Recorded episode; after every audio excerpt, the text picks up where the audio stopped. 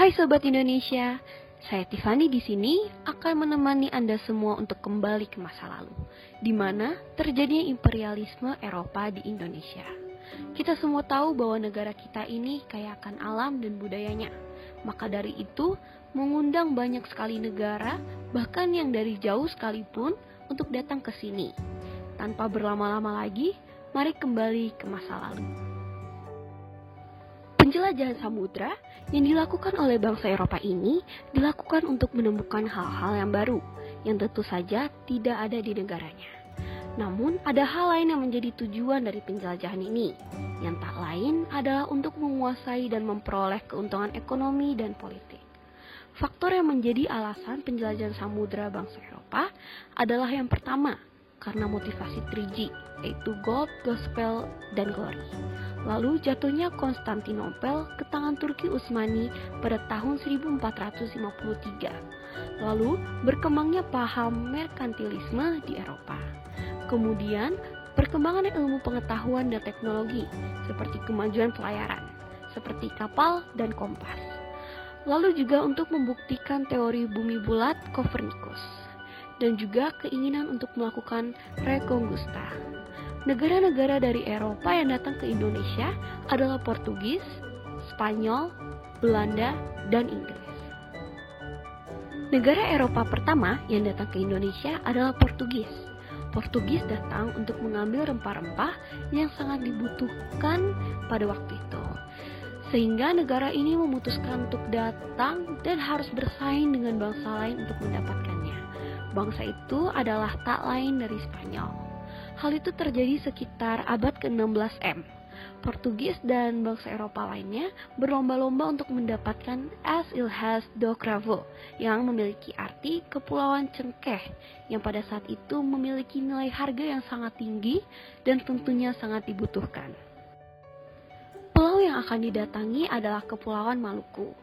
Jadi faktor keberhasilan Vasco da Gama mencapai wilayah Kalkuta membuka jalan ke Nusantara. Hal ini tercatat dalam sastra barat di sebuah laporan Yunani kuno sekitar abad ke-7. Pada catatan tersebut menyebutkan terdapat berbagai rempah-rempah seperti pala, cengkeh, dan sejenisnya. Merupakan hal yang berharga dan sangat bernilai. Maka dari itu, bangsa Portugis datang dan berusaha untuk menguasai jalur perdagangan rempah-rempah di Eropa dengan mencari langsung produsennya. Portugis merupakan bangsa Eropa pertama yang datang ke Indonesia dengan mengirimkan perwakilan yang dipimpin oleh Alfonso di Albuquerque pada tahun 1453 sampai 1515. Dia adalah panglima terbesar dari Portugis pada. Pada saat pertama kali datang, Portugis disambut dengan baik oleh penduduknya karena Portugis membawa bahan-bahan makanan serta membeli rempah-rempah milik warga lokal. Portugis juga menyebarkan agama Kristen serta melakukan pembangunan yang cukup penting pada saat itu. Namun, sikap dan perbuatan Portugis itu dilihat tidak sopan dan membuat keberadaan Portugis tidak disenangi oleh penduduk dan sering terjadi konflik dan pemberontakan. Konflik yang terjadi akhirnya dimanfaatkan oleh Belanda yang berusaha untuk merebut kekuasaan Portugis di Indonesia Hal ini membuat Portugis semakin terdesak dan terpaksa harus meninggalkan Maluku sehingga kekuasaannya digantikan oleh Belanda.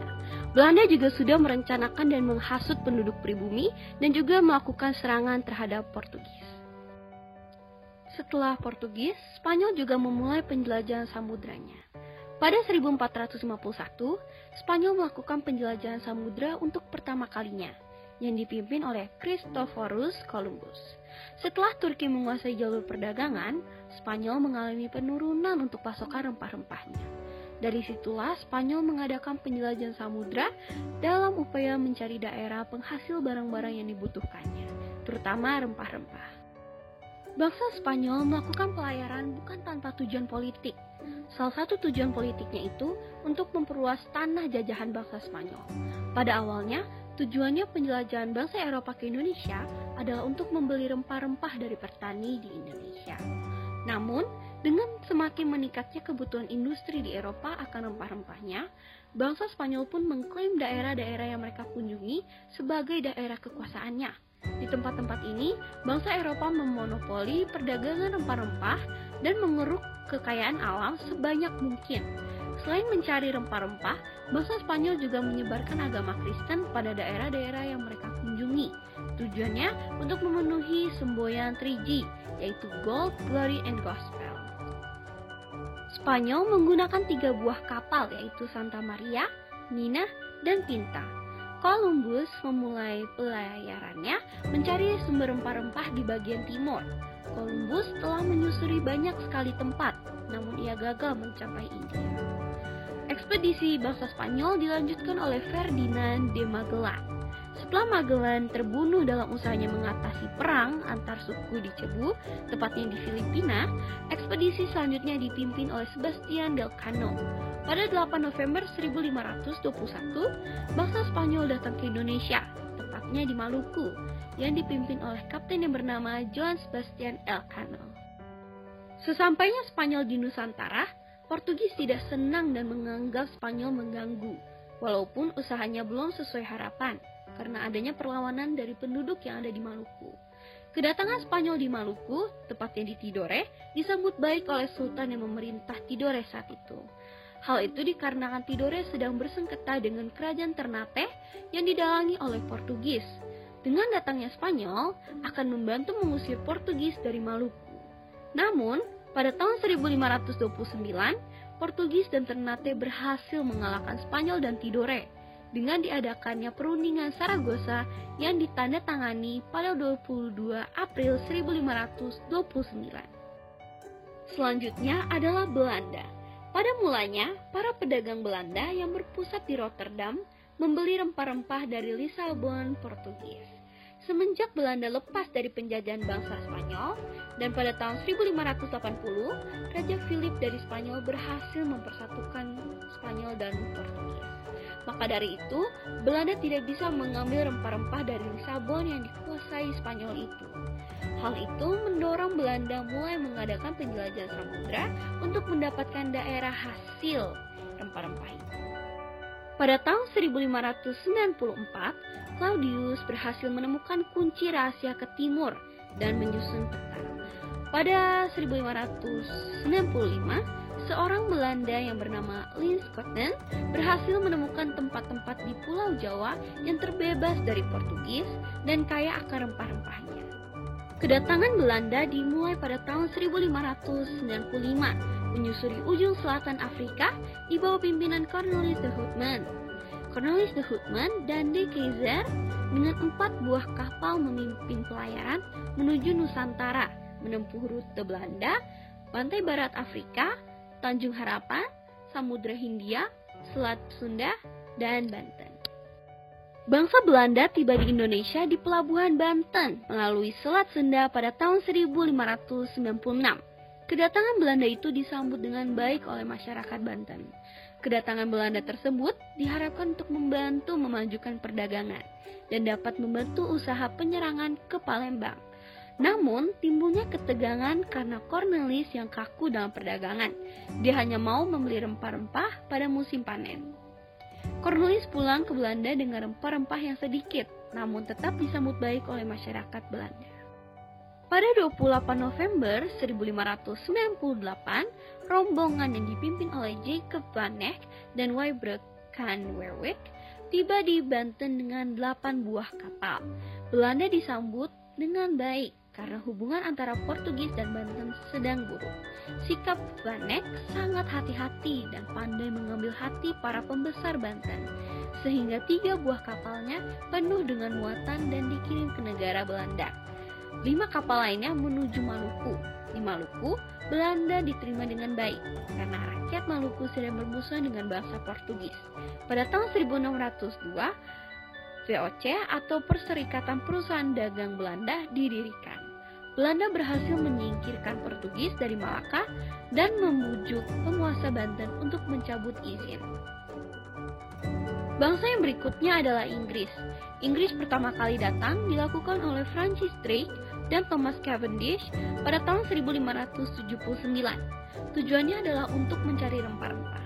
Pada saat itu, Inggris dapat membawa rempah-rempah dari daerah Ternate ke Inggris. Pada tahun 1586, Inggris kembali mendatangi Indonesia yang dipimpin oleh Thomas Cavendish. Dengan pengalaman tersebut, membuat Ratu Elizabeth berniat untuk mengembangkan sayap perdagangannya ke daerah Asia. Ratu Elizabeth ingin menyaingi perdagangan Spanyol. Ratu Elizabeth memberikan sebuah hak istimewa kepada EIC atau East Indian Company untuk mengurus segala hubungan perdagangan dengan Asia. EIC mengirim armada untuk menuju Indonesia. EIC dapat melewati jalan Portugis, tetapi gagal masuk karena mendapat serangan dari Portugis dan bajak laut Melayu di Selat Malaka. Pada awal abad ke-17, Inggris telah memiliki jajahan di India dan terus berusaha mengembangkan pengaruhnya di Asia Tenggara, khususnya di Indonesia. Kolonialisme Inggris di Hindia Belanda dimulai tahun 1604. Menurut catatan sejarah, sejak pertama kali tiba di Indonesia tahun 1604, EIC mendirikan kantor-kantor dagangnya. Di antaranya itu ada di Ambon, Aceh, Jakarta, Banjar, Japara, dan Makassar. Pada tahun 1811, Inggris kembali melakukan penyerangan terhadap Belanda untuk dapat menguasai Indonesia. Ketika melakukan penyerangan itu, Gubernur Jenderal Dendels dipanggil untuk kembali ke Belanda dan digantikan oleh Gubernur Jenderal Jan Jackson. Penyerangan yang dilakukan Inggris akhirnya dapat melumpuhkan kekuasaan Belanda, sehingga Belanda menyerahkan kekuasaannya di Indonesia. Penyerangan itu ditandai dengan sebuah perjanjian yang disebut dengan Perjanjian Tuntang pada tanggal 18 September 1811. Satu minggu sebelum perjanjian itu, Raja Muda Victory Lord Minto yang berkedudukan di India mengangkat Thomas Stafford Raffles sebagai wakil gubernur. Sehingga Raffles memiliki kekuasaan penuh di Indonesia. Kedatangan Raffles di Indonesia mendapat sebuah penyambutan yang hangat daripada raja-raja Melayu saat itu. Raffles datang pertama kali dengan keadaan di mana rakyat menderita dengan semua perjanjian yang telah dibuat oleh Belanda. Maka dari itu, Raffles membuat sebuah kebijakan baru yang dapat menyelamatkan rakyat dari penderitaan. Seperti misalnya penghapusan kerja rodi atau kerja paksa, sehingga rakyat tidak merasa tersiksa lagi.